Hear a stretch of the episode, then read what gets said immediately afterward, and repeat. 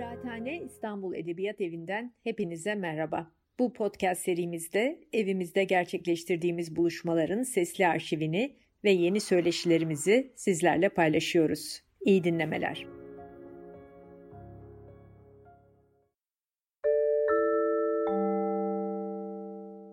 İyi akşamlar. Ee, Kıraathane İstanbul Edebiyat Evi'nin artık ilkbahar 2021 sezonunun son çevrim içi buluşmalarından birinde beraberiz.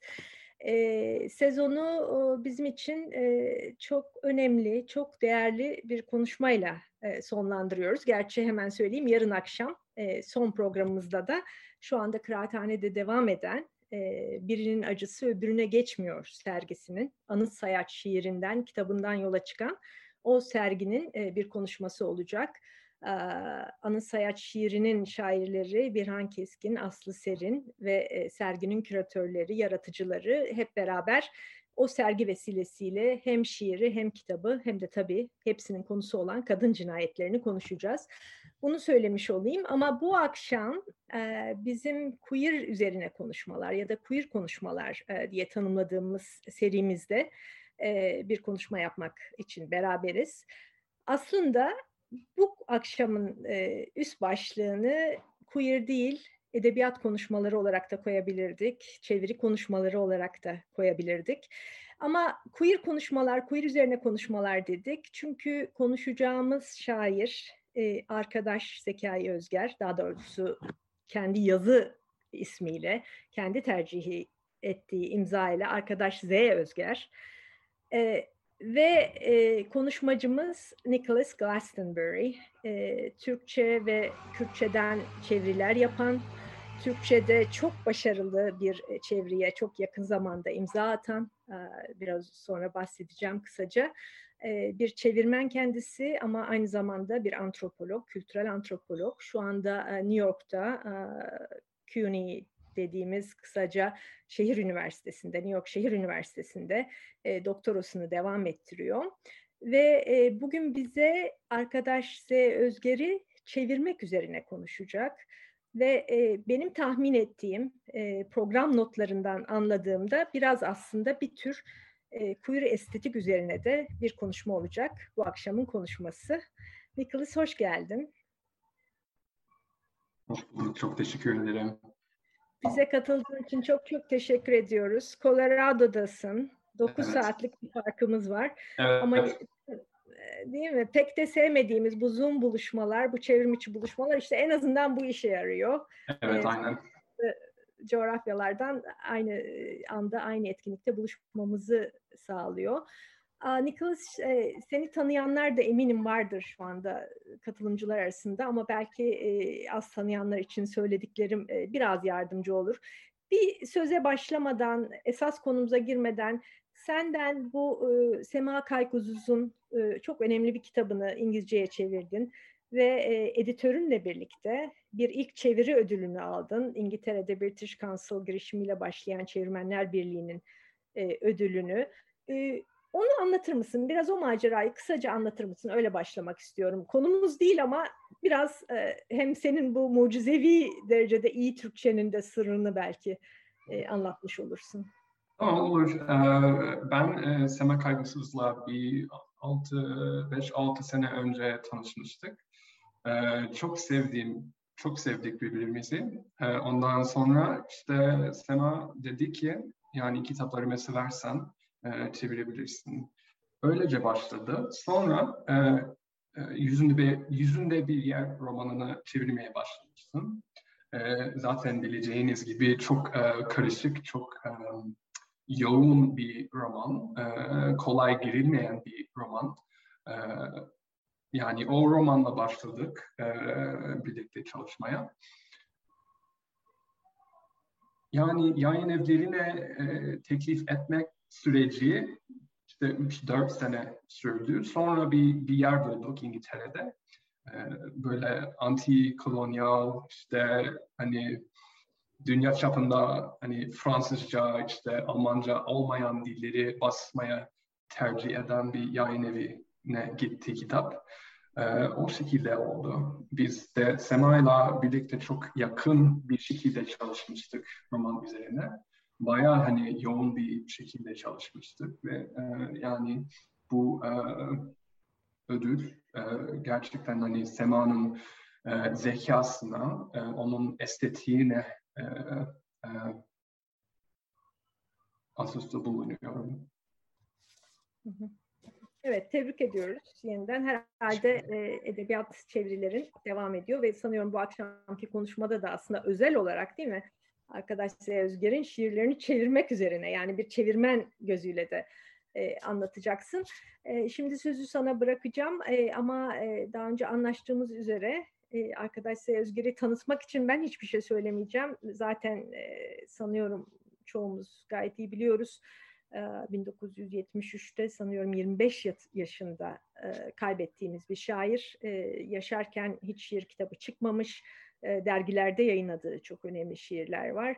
Ve kendisi dönemin sol hareketinin içinde yer almasına rağmen aslında şiirlerinde heteronormatif düzene, alışkanlıklara, geleneklere aykırı bir duruş sergilediği için hem aslında yani sol hareketi belki tek başına dönüştürememiş ama bugün hala dönüştürme mücadelesinin e, öncülerinden biri halinde hem de dönemi için yani gerçek anlamda devrimci e, bir insandı, insanmış. E, şimdi anlaştığımız üzere sadece bir giriş olsun diye ben arkadaş Seya Özger'in e, çok bilinen, e, çok önemli e, o Merhaba Canım şiirini okumak istiyorum.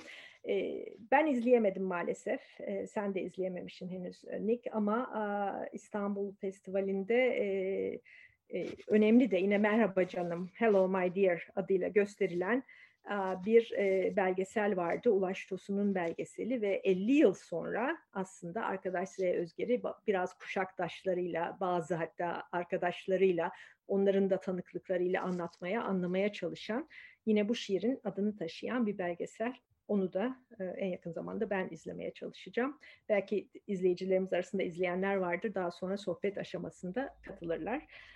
Şimdi e, izninizle ben bu şiiri okumaya çalışayım. Merhaba canım. Ben az konuşan, çok yorulan biriyim. Şarabı helvayla içmeyi severim. Hiç namaz kılmadım şimdiye kadar. Annemi ve Allah'ı da çok severim. Annem de Allah'ı çok sever. Biz bütün aile zaten biraz Allah'ı da, kedileri de çok severiz. Hayat trajik bir homoseksüeldir. Bence bütün homoseksüeller Adonis'tir biraz. Çünkü bütün sarhoşluklar biraz Freud'un alkolsüz sayıklamalarıdır. Siz inanmayın bir gün değişir elbet. Güneşe ve penise tapan rüzgarın yönü. Çünkü ben okumuştum muydu neydi? bir yerlerde tanrılara kadın satıldığını. Ah canım Aristofanes, barışı ve eşek arılarını hiç unutmuyorum. Ölümü de bir giz gibi tutuyorum içimde. Ölümü Tanrı'ya saklıyorum. Ve bir gün hiç anlamayacaksınız. Güneşe ve erkekliğe büyüyen vücudum düşüverecek ellerinizden, ellerinizden ve bir gün elbette Zeki Müren'i seveceksiniz.'' Zeki Müren'i seviniz. Nicholas Glastonbury. Söz sizin buyurun. Teşekkür ederim. Ee, sizin işte kıraathanede e, böyle bir etkinliğinde konuşabilme şansım olduğu için e, özellikle de çok sevdiğim bu şairi konuşabileceğim için e, çok müteşekkirim. E, bu konuşmayı mümkün kılan Tom Bey ve Yasmin Hanım'a ve e, Özgün'e ve herkese ve e, katılımcılara e, katıldıkları için size de teşekkür ediyorum. E, bu e, benim yapacağım ilk e, resmi Türkçe konuşmam olacak. O yüzden e, anlaşılmayacak bölümler olacaktır herhalde söyleyeceklerimde. Eğer bir şey anlaşılmazsa lütfen e, soru sormaktan hiç çekinmeyin. Yani böylesi bir e, saldırılmış bir e, onur haftasından sonra kah Yıldız Parkı'ndaki buluşmaya saldırısı, kah onur yürüyüşüne saldırısı ve Boğaziçi Üniversitesi'ne atanan kayyumun Boğaziçi LGBTİ artı çalışmaları kulübünü kapatmasından sonra e, arkadaş Z Özgeri konuşmak ve tartışmak çok vaktinde buluyorum. Ayrıca e, Yasemin Hanım'ın da söylediği gibi daha izleyemediğim Merhaba Canım belgeselinin e, çıkmış olması, Özger'in 50. ölüm yıl dönümünün yakınlaşması şiirlerine daha da e, güncel bir önem kazandırıyor bence. Ee, Türkçeden İngilizce 10 seneden fazla bir zamandır çeviri yapıyorum ve neredeyse başından beri e, arkadaş size Özgeri çevirmeyi çok istemiştim. E, hep düşündüm, hayal ettim, denedim e, ve hep de yetersiz hissettim. E, şairin çok biricik sesi ve şiirini İngilizceye kazandırmak çok çetin bir iş çünkü. E, zaten tahmin edebileceğiniz, bileceğiniz gibi e, dilin cinsiyeti başta olmak üzere zamir, tanımlık, edat gibi konularla ilgili e, Türkçe şiiri çevirmekte birçok engel var. E, yani mesela atıyorum e, üç kelimelik Türkçe bir satır İngilizce'de e, 8-10 kelime olup biraz e, hoyrat kalıyor. Ee, yani Türkçenin kelime, kelime ekonomisi bu kadar elverişli olmasına İngilizce e, hep yetersiz, beceriksiz kalıyor benim gözümde. Bunun üzerinde e, yani e, mesela Türkiye'li bir e, şair bir arkadaşımla Özger'den e, söz ederken e, o de, dedi ki e, kimse e, Özger'in eşcinsel olduğunu bilmediğini e, bilmiyor dedi. Yani o doğru mu bilmiyorum, sanmıyorum ama e, yani sol tarafın, solcuların işte özgeri e, kuşatmasını bundan kaynaklı galiba. Halbuki hani işte çevirince özgeri, e, onun şiirlerindeki anlatıcılara veya karakterlere e, bir şekilde İngilizce'de cinsiyet vermek zorundasın ya da vermeyince yani çok e, net kalıyor, çok e, muğlaksız kalıyor. E, ve şiirlerindeki cinsiyet o mu, cinsiyet muğlaklığını muhafaza edemez gibi geliyor bana. Ama yani bu işte teknik engellerden daha çok e, Özgür'ün yaşadığı ortam ve yazdığı poetikanın e, çevreye sunduğu engeller beni ilgilendiriyor bugün. Ee, şiirin e, politikası siyasetle estetiği birleştirebiliyor. E, siyaset ve estek, estetik arasındaki bağını düşünen Fransız filozof e, Jacques Rancière der ki ve burada e, benim biraz kaba çevirim, Türkçe çevirim, e, der ki siyaset mevcut bir düzen içerisinde tanınmayan bir tarafın, bir öznenin, bir grubun e, eşit ve karşılıklı bir şekilde tanınabilmek için mücadelesidir. Ee, diyor ki estetiğin bu mücadelenin en önemli cephelerden biri olduğunu çünkü mücadelenin kendisinin toplumun imgesi üzerinden savaşıldığını öne sürüyor. Ee, bundan dolayı siyaseti estetikten arınmış olarak e, düşünmek çok yanlış olur. Tam tersinde estetik siyaseti, siyasette estetiği mümkün kılıyor. Şiire yani bu e, Rancière'in bu düşüncesiyle yaklaşıyorum. E, şiir özellikle Özger gibi bir şairin şiiri bence e, toptan çürümüş bir dünyayı temsil ederek yıkıyor ve yıkarak yen, yeniden yapıp gerçekleştirebiliyor. Yani bu tür şiir bu niyetiyle yazılır. Şiirin e, bir e, politik eylem biçimi olduğunu ya da onun yerine aldığını düşünmüyorum. E, yani şiir devrimci bir pratik değildir. Ama şiir e, devrimci pratiğin içinde yaşamamızın kendimizle ve birbirimizle olan ilişkilerimizde kendimizi temellendirmemizin e, eşitsiz bir dünya hakkında düşünebilmemizin ve o dünyanın ağzına sıçmamızın bir yolunu sağlar.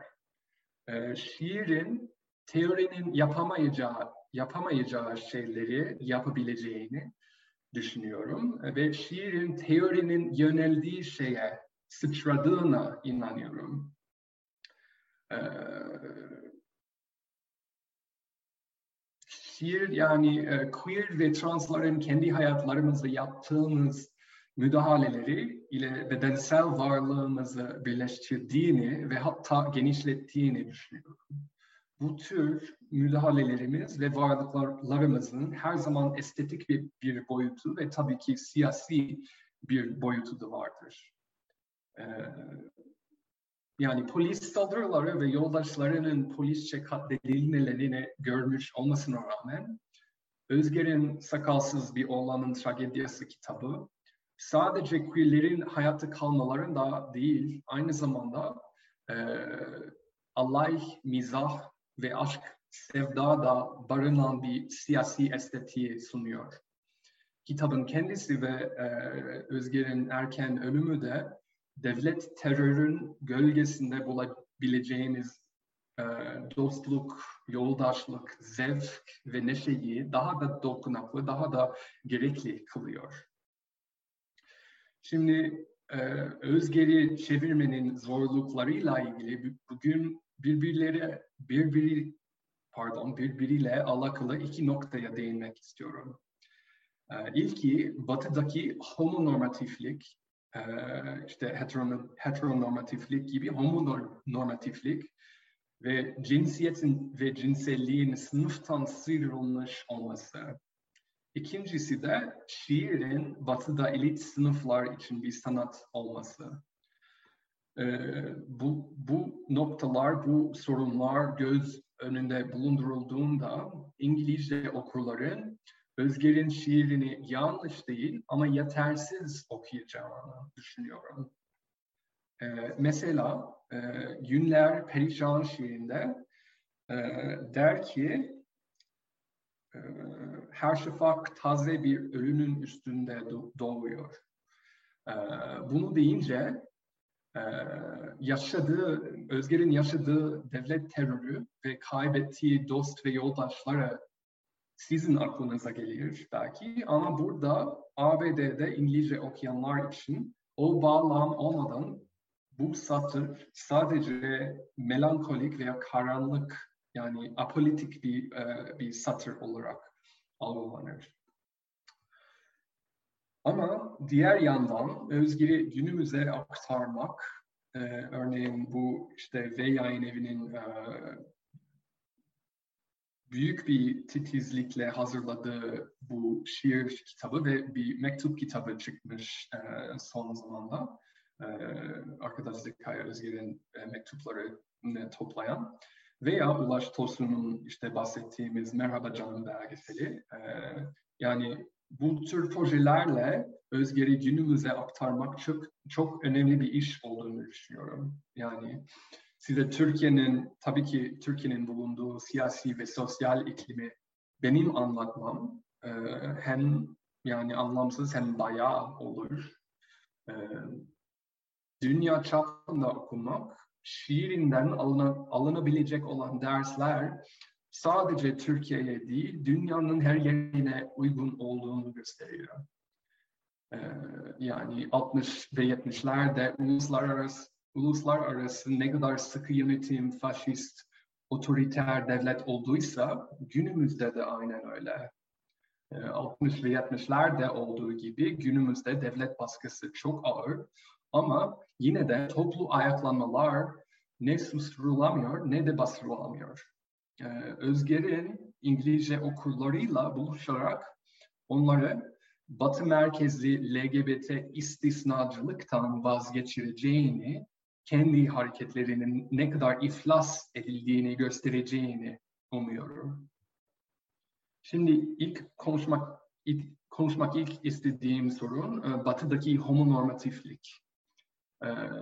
Yaklaşık son 20-25 sene boyunca ABD ve İngiltere'de başta olmak üzere birçok ülkede faaliyet sürdüren LGBT hareketi normalleşmeye odaklıdır. Biz canavar değiliz, biz sizin gibiyiz gibi söylemlere, söylemlerle yola giden bu hareket en çok e, işte eşcinsel evliliği veya temsilci politikasını savunuyor. E, bu hani e, tahayyül der ki evlenelim, işte çocuk sahibi olalım, siyasetçimiz, eşcinsel siyasetçimiz olsun ki homofobiyi ve eşitsizliğini bu şekilde yok edelim. Ee, yani çok liberal bir e, bir kavramla e, mücadele mücadele diyebilirsek e, bir mücadele sürdürüyor. Halbuki bu hareket böyle başlamamıştır bildiğiniz gibi. 1969'daki Stonewall ayaklanmaları devletin korumadığı, korumak istemediği ikinci sınıf statüye sahip olanlar tarafından mesela kadınlar, beyaz olmayanlar, siyahiler, yerliler, gençler, yoksullar vesaire. İşte bunların tarafından yürütülen mücadelelerin yükseldiği bir zamanda meydana geldi. Ve dikkatinizi şuna çekmek istiyorum. 1969'da tam Özger'in yazdığı döneme denk geliyor. Bu 60'lardaki bu hareketleri Soğuk Savaş dünyasının baskısına karşı isyan ederek toplumun her kesiminde daha derin özgürlük kavramları geliştirdi. Örneğin işte Black Panther Party vardı, Kara Panter Partisi. Ee, onların sağladığı hayatta kalma programları e, sınıfsal ve ırksal adalet ve özgürlüğe odaklıydı. Ee, benzer bir şekilde anti-savaş hareketlerde ABD'nin Güneydoğu Asya'da uyguladığı emperyalist şiddetin aynı zamanda yurt içinde büyük zar zararlara neden olduğunu öne sürmüştür. Ee, bu mücadeleler özgürlük ve kurtuluş tahayyüllerine büyük patlak vermiştir. Ee, LGBT hareketi bunlardan yola çıkarak, bu mücadelelerden yola çıkarak e, ve e, onların özgürlük kavramlarından ilham almıştı. E, Stonewall'dan gelişen LGBT hareketinin en önde savaşan e, mesela Marsha P. Johnson ve Sylvia Rivera gibi beyaz olmayan trans kadınlar en çok e, tepeden tırnağa anti-kapitalist ve anti-devlet ve de anti-polis bir mücadele oluşturmaya çalışmışlar. Ve e, birçok bakımdan da başarmışlar. Ancak e, ve şu an çok kısa bir tarih e, sunuyorum. E, birçok şeyi atlıyorum. Affınıza e, sunuyorum bu konuda. E, işte bu dönemden sonra HIV, e, AIDS, e, yani SIDA galiba Türkçe'de, e, pandemisinde yaşanan o, o büyük kayıplar ve Amerikan devletin, e, gerçi İngiltere e, devletin de bu pandemiyi teşvik etmesinden dolayı en etkin figürler, bu hareketlerin en etkin figürleri ve örgütleri e, çökmeye başlamıştı. Şimdi e, Stonewall döneminin böyle tümden gönüllü örgütlerin e, tam tersine bugünkü LGBT örgütleri ABD'deki e, politikalarını doğrudan veya dolaylı olarak kontrol eden, e, her zaman zengin sponsorlarını kızdırmamaya özen gösteren, vakıf parasına ve zengin bağışçılara bağımlı şirketlerdir. Bizim onur yürüyüşlerimize bankalar geliyor, petrol şirketleri geliyor. Hatta polisler ve askerler katılıyor. yani Amerika'nın günümüzdeki LGBT hareketi kapital, rant, doğal kaynak sömürü ve devlet terörün failleriyle el ele işbirlikçilik yapıyor. Bunun yüzünden e, hareketin iflas iflas olmuş kurtuluş tahayyülü, e, e, evlenme özgürlüğü ve para harcama özgürlüğünden ibarettir sadece. Yani çok iflas olmuş bir hareket kalınca.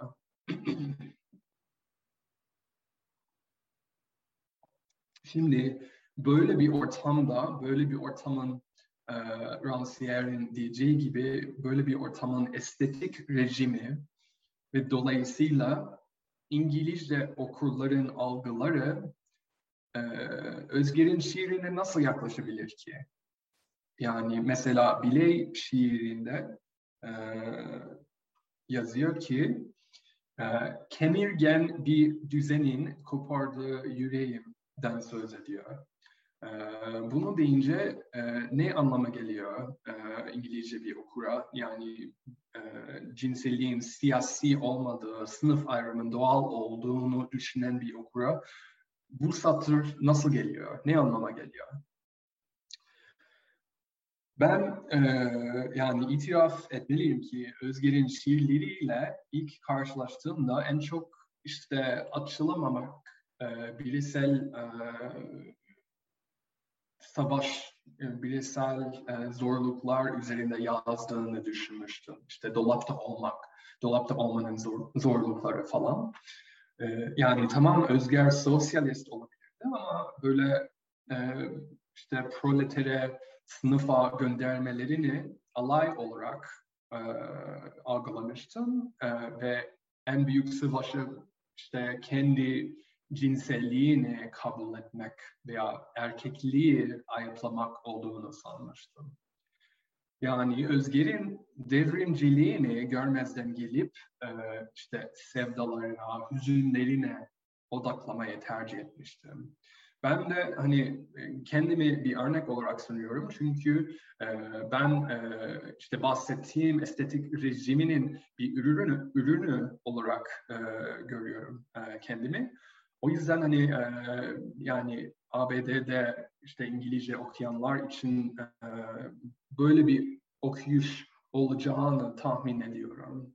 Yani çok şükür ki e, ve yayın evinden çıkan bu e, bu basın e, yani şiirlerin e, hepsinin yazıldığı bağlam içeren zengin bir dipnot bölümü var. E, işte yani bu e, bu editörün e, sayesinde Kenan e, Yücel'in sayesinde e, Mahir Çayan ve Hüseyin Cevahir'le örgütlendiğini, sol ve sosyalist hareketlerine katkıda bulunduğunu öğrendim e, Özger. Yani Özger'in hayatını dikkate alındığında sadece böyle dolapta olmanın zorlukları ve toplumdan dışlandığını anlatmadığını fark ettim.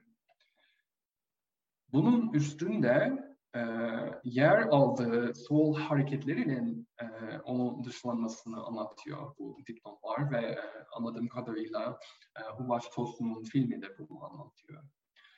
E, sol hareketlerine inancı ve e, hüsranı e, Özger'in şiirlerin hemen hemen hepsine sürülmüştür.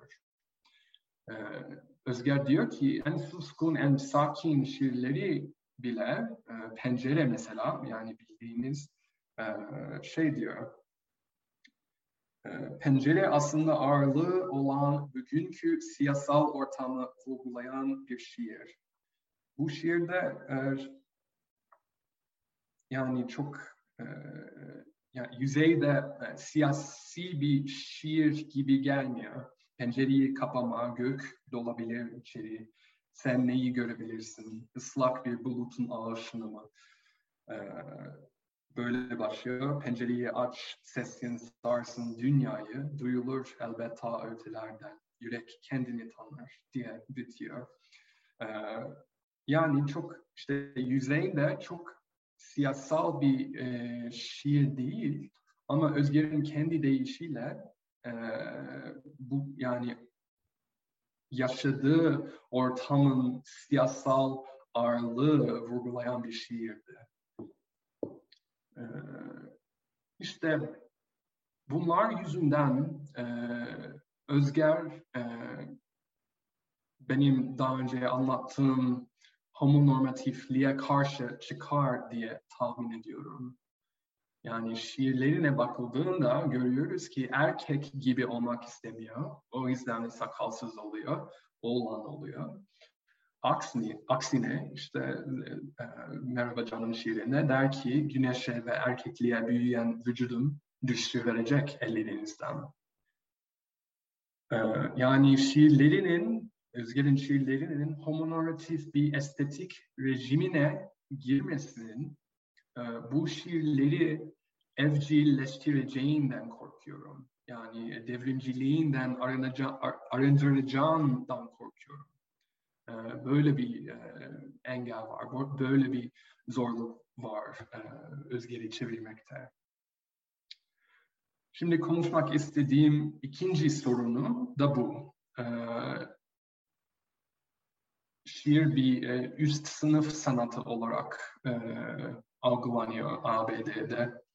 Yani şiir kimin hangi sınıfın sanatı olduğunu anlamak için ABD'de sıradan şiir okurunun e, nasıl biri olduğunu düşünmekte de fayda var. Genel olarak yani çok büyük bir genel, genelleme yapacağım. E, işte şiir okuyan kesim e, üniversite, me, üniversite mezunu, e, orta veya üst sınıf az da olsa e, varlıklıdır. E, şiir oku, okuyarak güzellik, işte beauty üzerinde düşünür, güzelliği e, bir bakıma e, tasavvur eder. Bu ok okurların okudukları şairler de işte prestijli üniversitelerde hem okumuş hem de onlarda doçent ya da profesör olarak çalışıyor. E, alt sınıfların ve e, beyaz olmayanların e, seveceği şiirler, işte slam şiiri var, e, rap bir şiir formu bence bu tür şiir e, e, biçimleri iyi şiir sayılmaz ABD'de. Yani ödül kazanmazlar falan. E, sadece böyle prestijli e, şairler, prestijli üniversitelerde e, çalışan ya da okuyan şairler e, bu tür e, ödüller kazanıyor. E, ve ödüller e, bir ödül ekonomisi var. Yani ödül kazandıkça okunuyor bu kitaplar, bu şairler kazandıkça e, işte e, yani daha da prestijli oluyor. E, burada yani çok zor bir e, sorunsal var. Bu e, okuma ve yaratma süreçlerinin işte prestijli üniversitelerde olup biten bu yaratma süreçlerinin e, ve okuma süreçlerinin sınıflandırılmış olması bir tür e, zihin muhtenalaştırması, bu kavramı e, işte gentrification of the mind kavramı e, Sarah Schulman'dan alıyorum. E, şey der işte burjuva olarak davranmak geçimini sağlayan sanatçılar için bir gereklilik haline gelir. Zorunlu olarak o sanatçıların amaçları bu prestij, bu burjuva laşmış ortamında o sanatçıların amaçları değiştirilir. E, şimdi bu e, zihin muhtenalaştırması da biraz önce bahsettiğim LGBT hareketinin iflasında da pay vardır. Yani muhtenalaştırılmış zihin estetik değeri pazarlanabilirlik olarak görür toplumu sermayeye dayalı bir hiyerarşi olarak görür ve sosyal gelişimi liberal değerlerinin kaçınılmaz yayılması olarak anlar. Ee, insanlar kültürel üretime yalnızca bir üniversite diploması veya e, bir doçentlikle e, bu yoluyla erişebiliyorsa o zaman yaratıcı süreci metalaştırılır e, meta haline gelir. E, commodity yani. E, bu yaratıcılar, e, işte yazarlar ya da ressamlar mesela bu e, onlar için de doğru bir şey. Bu yaratıcılar vakıflara, galerilere, tiyatrolara veya bağış, bağışçılara erişimlerinin kişisel değerleri ve çabalarından kaynaklandığını hayal ediyor. Ama bu süreç kültürü zenginlik ve sınıf ayrıcalığına sahip olanlar etrafındaki kapatıyor. Yani kültür sadece ve sadece zengin üst sınıflar için e, bir e, alan e, alandır diye e, sunuyor bu kavram. Muhtem, muhtemelaştırılmış bir siyaset düzeninde queerler, işte eşcinseller, translar farklı olma hakkı değil, heteroseksüel çekirdek ailenin kavradığı kişilere ve yaşam tarzlarına mümkün olduğunca benzer olma hakkı için kampanya yürütür. Ee, ve benzer bir şekilde muhtem muhtemelaştırılmış bir edebi kültür, beyaz işte orta sınıf tüketicinin, tüketicinin kabul edilebilirliği, beğenisi ve eğilimleri için bir standart belirler. Böyle bir kültür, böyle bir kültür endüstrisi e, estetiği homojenleştirerek radikal bir meydan okuma radikal bir meydan okuma hayal bile edilemez haline getirir. Yani e, muhtemelaştırılmış bir edebi kültür, yaratıcılığı ve estetiği siyasetten ayırır. İşte güzellik apolitik bir şey, e, şiir apolitik olmalı gibi şeyler. Bu kadar muhtemelaştırılmış bir edebiyat e, Özgür'ü nasıl, karşılar, nasıl karşılayabilir? Bunu e, böyle soyut, işte teorik bir sorun olarak görmüyor, görmüyorum. Yani yayıncıların e, kendi beğenileri ve dolayısıyla basacakları kitapları etkiler bu muhtena durumu. E, İngilizce bir yayın evi e, Özger'le ilgilenirse mesela onun nesine odaklamak ister? Nesini mesela işte kitabın arka, arka kapağına koymak ister?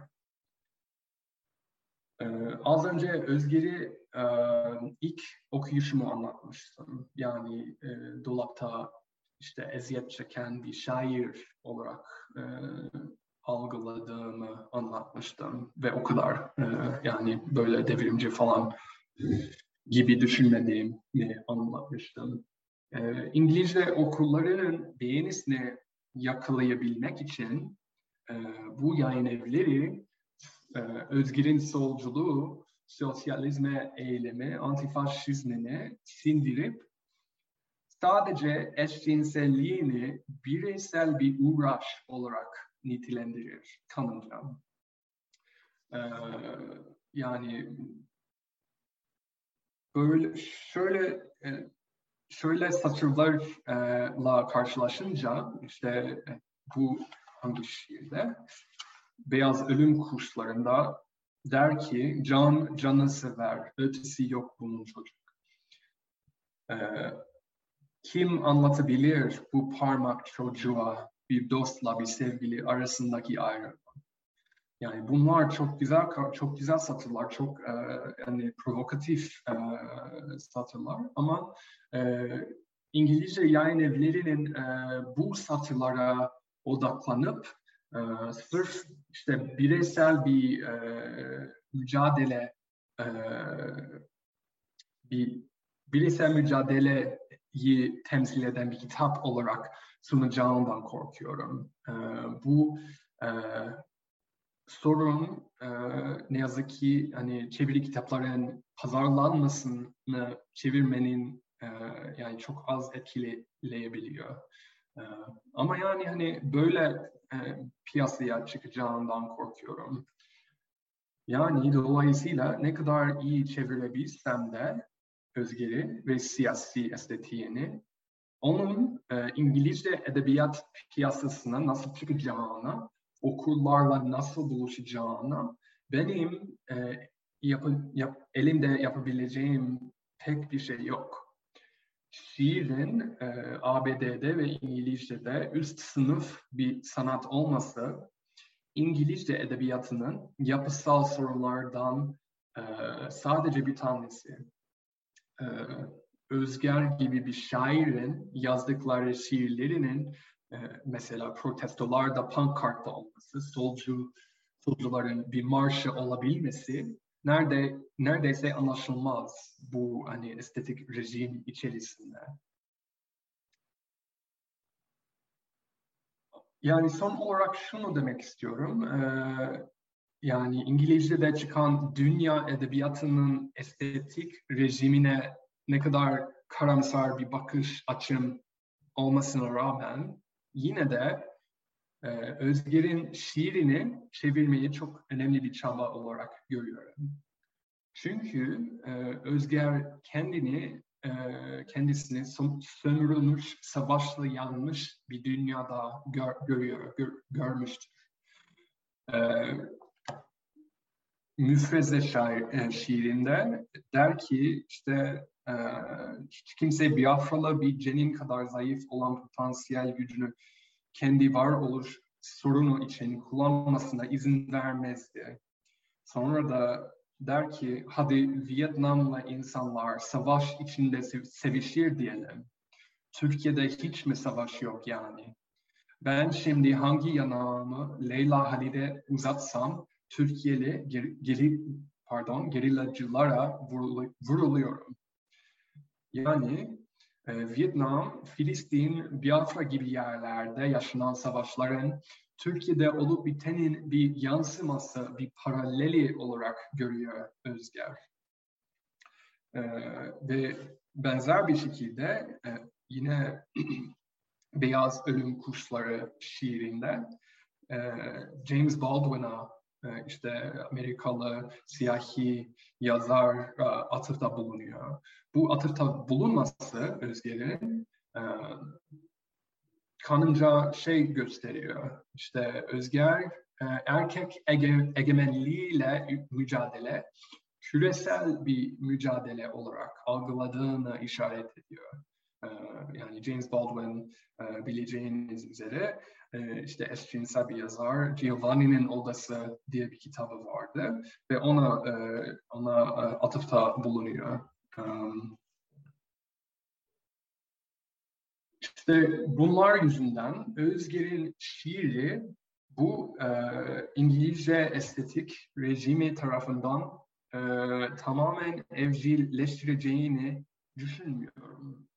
Yani tam tersinde doğru bir yayın evi bulursak, e, bulabilirsek, tam tersinde e, Özger'in şiiri bu estetik rejimi biraz da olsa sarsabilir, e, değiştirebilir. Şimdi yani dünya çapında, Özgür'ü dünya çapında okumanın faydasını e, anlatmak istiyorum. E,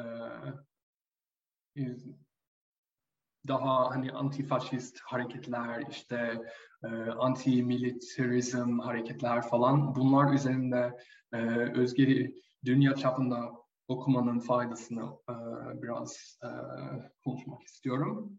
Herhalde hiç hiç okumadığı ama aynı dönemde çok benzer bir şekilde yazan Latin Amerikalı şairler işte Özgür'ü onlarla birlikte düşünmeyi yeğliyorum.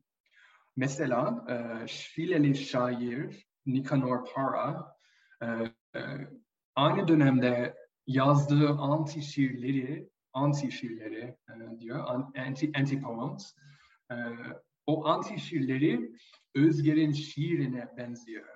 Yani mesela e, Özger e, şey der, böyle büyük bir iddia sunuyor. Hayat trajik bir homoseksüeldir. Yani hiç anlatmıyor, hiç derinleştirmiyor. Öyle kalıyor böyle büyük bir iddia olarak. E, paranın şiiri, bu, paranın e, anti şiiri e, buna benziyor. Para da Özger gibi hep kendisiyle dalga geçer, kendini e, bir alay konusu olarak kullanır. E, Şile'nin askeri junta altından yazan Para'nın bu anti şiirleri kanımca e, faşizmin hakikati düzenlemesine karşı bir meydan okuma olarak çıkıyor. Ve e, Özger de buna benzer bir şekilde yani faşizmin hakikati düzenlemesine karşı bir e, bir estetiği sunuyor. E, benzer bir şekilde işte Arjantin'de Arjantinli şair e, Alejandra Pizarnik askeri diktatörlük altında yazıyor ve Özger gibi çok gençken vefat etmişti. Özger gibi yine de e, Pizarnik'in e, şiirleri çok karanlık, çok hani boğucu, yani her şey işte gecede oluyor falan. E, ve anne baba çocuk ilişkilerine de odaklıdır e, Özger gibi yine. E, Pizarnik'in e, yani duyumsal karamsarlığı e, sadece bireyin eziyeti değil, toplumun faşizm altında yaşadığı eziyetini yakalıyor ve sunuyor. Özger gibi tıpkı. Özger'in e, şiirini bu yazarlarla işte James Baldwin, işte Nicanor Para, işte Alejandro Pizarnik ile birlikte e, diyalog halinde algılamak ve aynı zamanda dünyada e, olup biten her şeyle diyalog halinde algılamak e, çok önemli. Bir yandan dünyaca, dünyanın her köşesinde yaşanan askeri darbeler ve ortaya çıkan e, otoriter rejimlere karşı yine dünyaca bir antifaşist estetiğin oluştuğunu gösteriyor. Yani Özger'in e, oluşturduğu estetik e, Latin Amerikalı şairlerin oluşturdukları estetiğe benzemesi böyle hani dünyaca bir, bir hareket yani e, merkez merkezi olmayan bir hareketinin oluştuğunu gösteriyor. Aynı zamanda işte batıdaki e, 60'larda ve 70'lerde Stonewall döneminde ortaya çıkan LGBT hareketinin e, şimdiki istisnacılığını reddediyor e, Özger'i okumak. Yani Özger, Özger'in şiiri gösteriyor ki Stonewall böyle küresel bir e, millet taşı değil, dünyada çıkan e, faşizme karşı cinsel ayaklanmalarının sadece bir noktasıydı. Tam da bir e, takım yıldızda parlayan bir yıldız gibi. E, yani batıda çıkan bu hareketlerin e, istisnacılığını e, ona ona direniyor Özgür'ün şiirleri. Yani başka bir tarih, başka bir e, modernite kavramı na yol açıyor. Özgür'ü işte çevirerek günümüze aktarmak bence Özgür'ün ütopyalı siyasi estetiği sunuyor bize. Yani çok karamsar olsa da yine de ütopyalı bir yazar olduğunu düşünüyorum Özgür'ü. Ee, bu siyasi estetiğini doğru çevirmek, bu ütopyacılığını doğru çevirmek, e, mümkün olan geleceği geçmişten kurtulup ikisini şimdiki zamanda birleştiriyor. Ee, Özger'in ütopyacılığı sadece erkeklikten kaçmakta olduğunu e, o kaçmakta değil, aynı zamanda ölen işte yoldaşlarına yaz tutarak e, verdiği canların gelecekte yeşermesinde olduğunu öne sürüyor. E, öne sürüyor.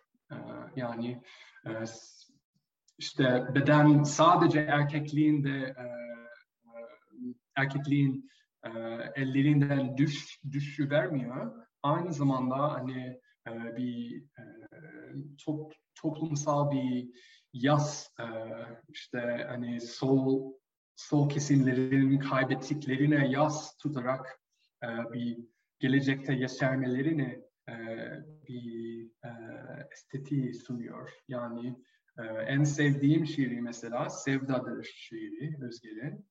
E, yani bence en güzel aşk şiirlerinden, pardon aşkla sana, sevdadır değil aşkla sana. E, bence en güzel aşk şiirlerinden biridir e, okudum. E, sonuna doğru der ki, e, bu arada yani okumadıysanız, e, bu da e, bu şiiri e, Hüseyin Cevahir için yazıldığını iddia edildi. E, öldük, öldükten sonra işte ona bir ağıt olarak yazmış olabilir diye iddia edildi. şöyle yazıyor. Yarın ne olur bilirim ben. Bahar gelir, otlar büyür, ölüm de yapraklanır. Bir dağ bulur, uzun uzun bakarım. Bir çam ağacı gölgesi, güzel kokular veren bir damla güneş görünce. Sana da gülümseyeceğim yarın. Şimdi senin uzanıp yattığın otlarda yarın yeni bir yeşillik büyüyecek. Yani Özgür'ü okumak, e, bu e, siyasi estetiğiyle okumak, e, sınıf mücadelenin, e, sınıf mücadelesine oynak bedenlerin dünyayı yeniden yaratma arzusu olarak tahayyül etmektir. Onun şiirleri böyle bir, bir tahayyül sunuyor. Ee, yani yoldaşlarımızı sevebileceğimiz, sevdikçe de işte sosyalizmi, e, ütopyayı yükselteceğimizi tahrik eden bir mücadeledir. Onun e, e, siyasi estetiği. Şimdi bu kadar.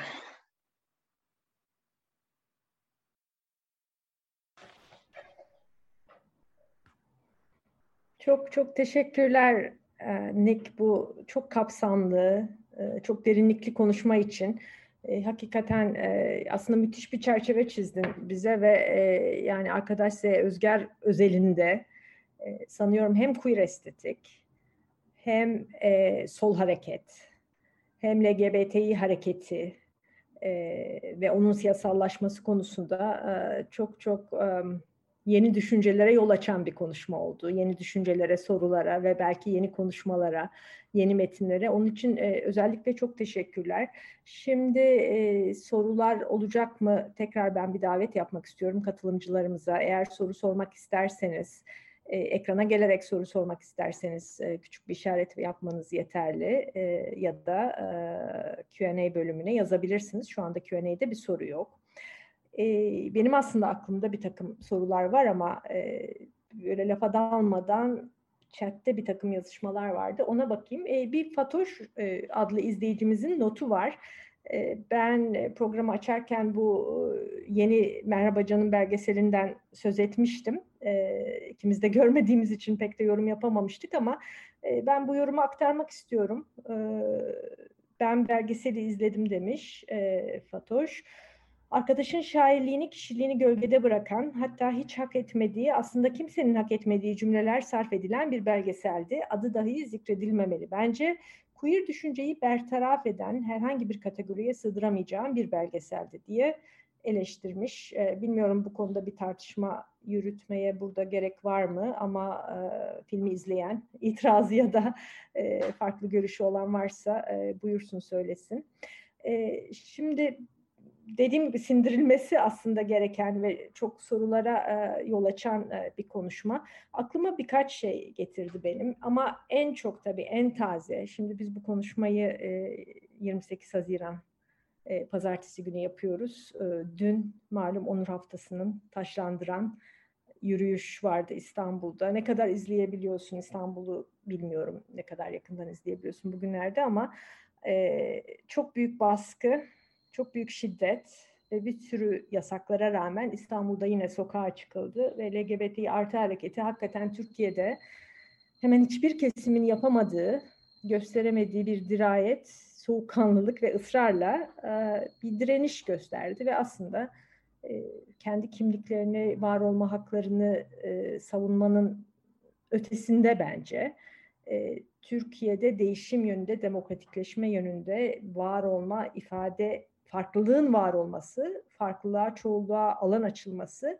ve ifade hakkı, toplantı, gösteri, yürüyüş hakkının savunulması anlamında da çok büyük bir adım attılar. Yani Türkiye'nin siyasi e, muhalefet, siyasi direniş, siyasi değişim hareketinin öncülüğünü aslında bir şekilde queer söylem ve queer hareket üstlenmiş durumda bugün ilginç bir şekilde. Şimdi bu konuşmanın bütün çerçevesini değerlendirirsek ve yine arkadaş Özger'in şiirine ki bunun bugünden 50 yıl önce yazıldığını da üstüne basa basa. Üstelik de Türkiye'nin son derece dar görüşlü, son derece o günlerin Türkiye'sinin özellikle yani şu kadar dar bir yerden dünyaya bakabilen, e, o günlerin sınırlı kaynakları da düşünülerek bir sol söyleminin içinde e, bunu yapabildiğini düşününce e, ben çok enteresan e, bir e, paralellik görüyorum.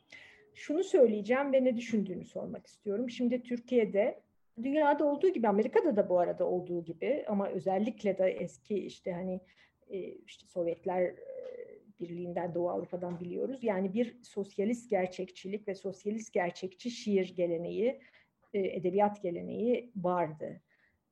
Çok azdır bugün bu sosyalist gerçekçilik çerçevesinde yazılmış şiirler olsun, romanlar olsun.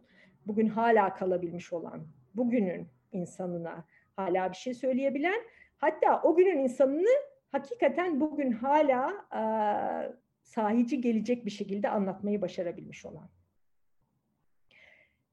Arkadaş Z. Özger'in bunu aşabilmesi, sadece eril bir kimlikle yazmamasıyla mı açıklanabilecek bir şey? Heteronormatif sınırlar içinde yazmamasıyla mı açıklanabilecek bir şey? Yani bunu biraz tersinden getirerek e, sormaya çalışıyorum. Çünkü mutenalaştırmanın e, çok güzel anlattığın gibi e, bir şekilde edebi kültürü apolitikleştirmesi ve aslında edebi kültürü yaratıcılıktan uzaklaştırmasını çok ciddi vurguladın. Biraz arkadaşın bütün o çevresindeki herkes neredeyse sosyalist gerçekçilik dediğimiz, toplumcu gerçekçilik dediğimiz dar kapsamda yazıp çizerken bu kadar farklı olabilmesi ve o yüzden de bugün hala mesela dünkü sokak eylemiyle özdeşleşebilen bir yerde olmasını biraz daha anlatır mısın?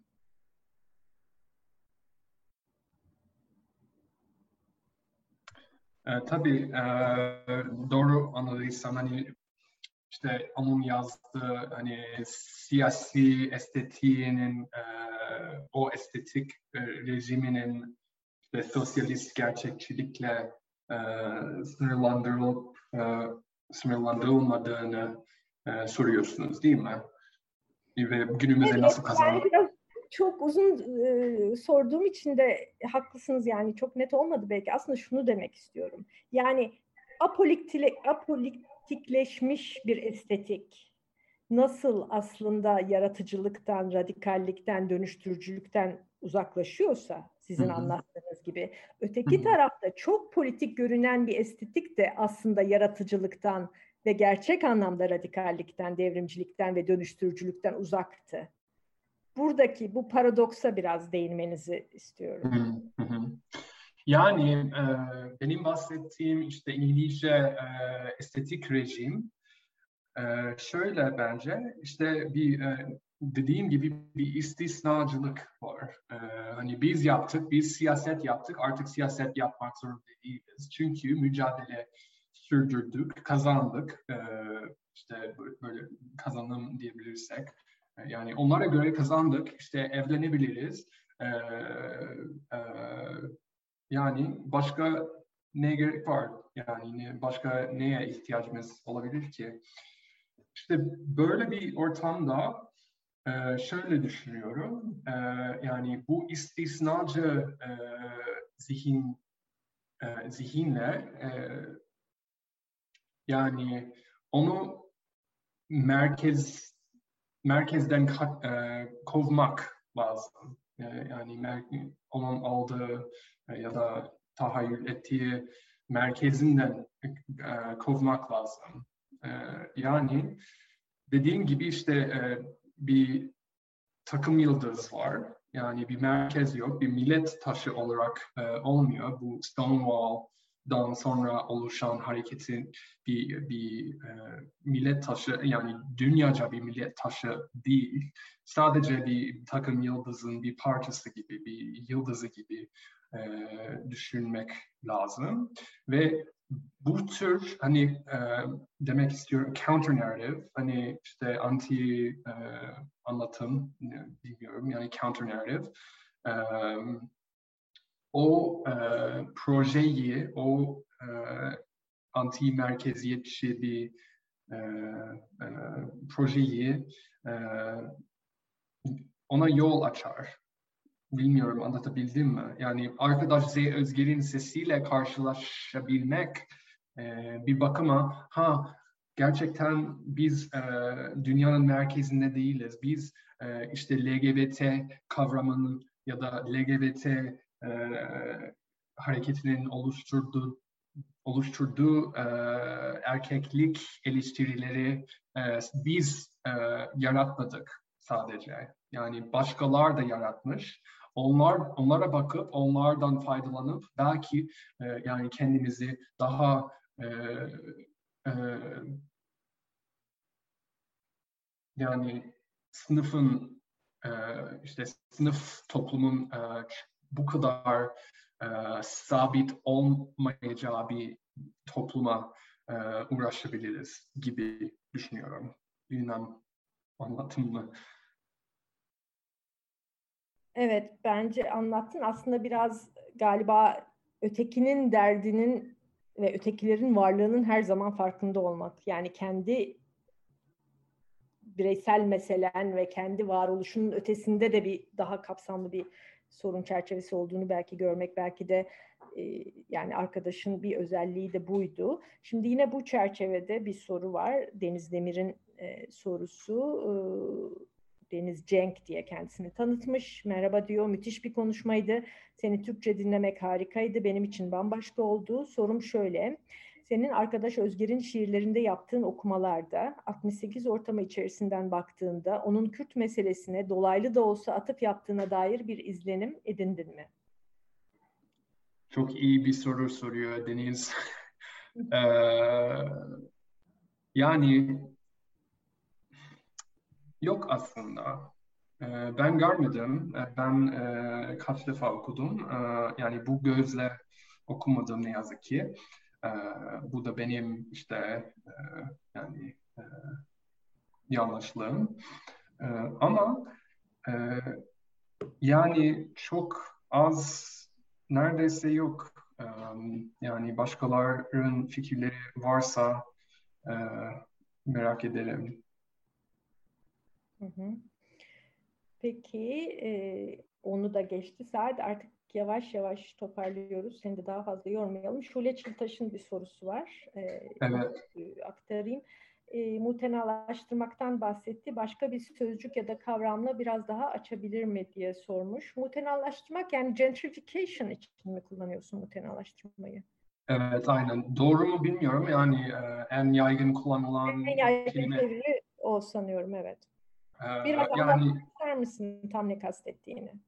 Olur tamam. Ee, yani e, işte muhtenalaştırma e, yani İstanbul'da tarla başında tıpkı olduğu gibi tarla başında yaşanan çok zengin bir e, işte yani çok kültürlü bir e, toplum vardı.